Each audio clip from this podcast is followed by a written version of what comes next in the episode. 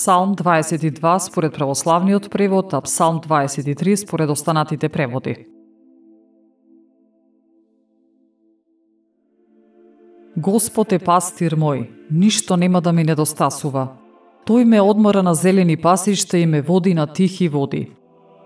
Ја закрепнува душата моја, ме води по патот на правдата заради името свое. Кога би тргнал и по долината на смртната сенка, нема да се исплашам од злото, зашто ти си со мене. Твојот жезол и твојата палка ме успокојуваат.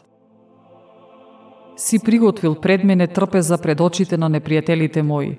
Си ја помазал главата моја со миризливо масло и чашата моја се прелева.